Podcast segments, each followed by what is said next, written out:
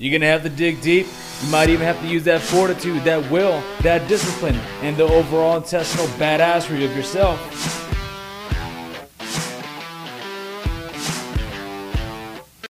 Hey folks, it's Rico on the radio. Thanks for tuning in, and I appreciate you guys' time. So I'll just get to the chase, get to the core of the uh, podcast, okay? So this is gonna be kind of brash, so you can either just turn out the podcast or just fucking deal with it, okay? So the idea of being tougher than you already are, that's what I want to talk to you about. When I see people posting on their Instagram and Facebook and shit like that saying, oh, the struggle's real, life is so tough, shit like that, I would say this one thing is good. I'm glad that you're at that fucking point of struggle. I'm glad that somebody pissed in your fucking Cheerios. I'm glad that somebody took your order wrong at Starbucks because you have those liberties and the luxury of being a fucking American and actually looking at those things face on and dealing with it.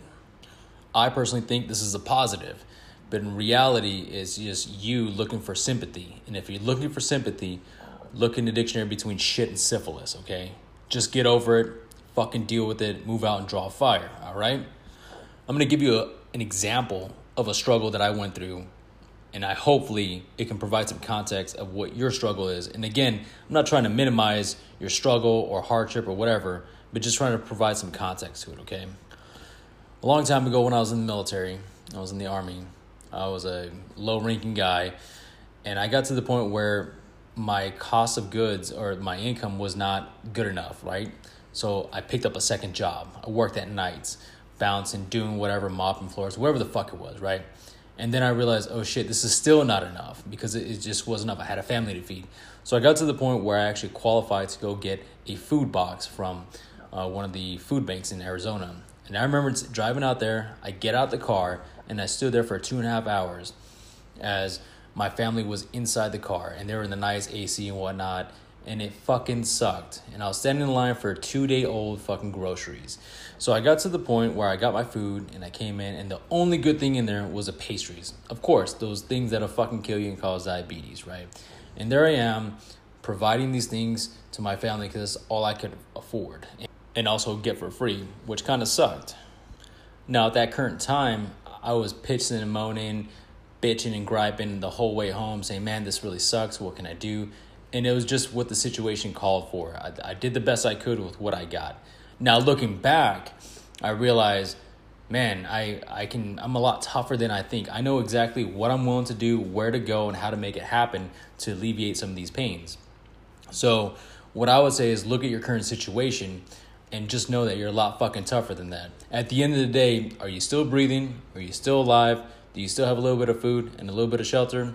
I think pretty much those are all lit. So if that's the case, your struggle is not that big of a fucking struggle, right? And the reason I bring these ideas and context of the struggle is because one, I see a lot of fucking people looking for sympathy, the woe is me, the little sad faces, emojis, and shit like that.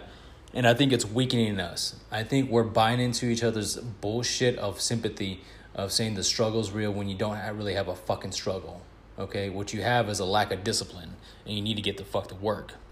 What I personally think is if you're truly going through a struggle, take a step back and say, how is this going to provide me value later? And chances are, it's going to provide you a mile marker of saying, hey, you can do this, and you know what you're willing to. You you know what you're willing to get through as well. People who are truly in a struggle don't have time to be posting that shit on the fucking social media. So that leads us to our tactical exercise, right?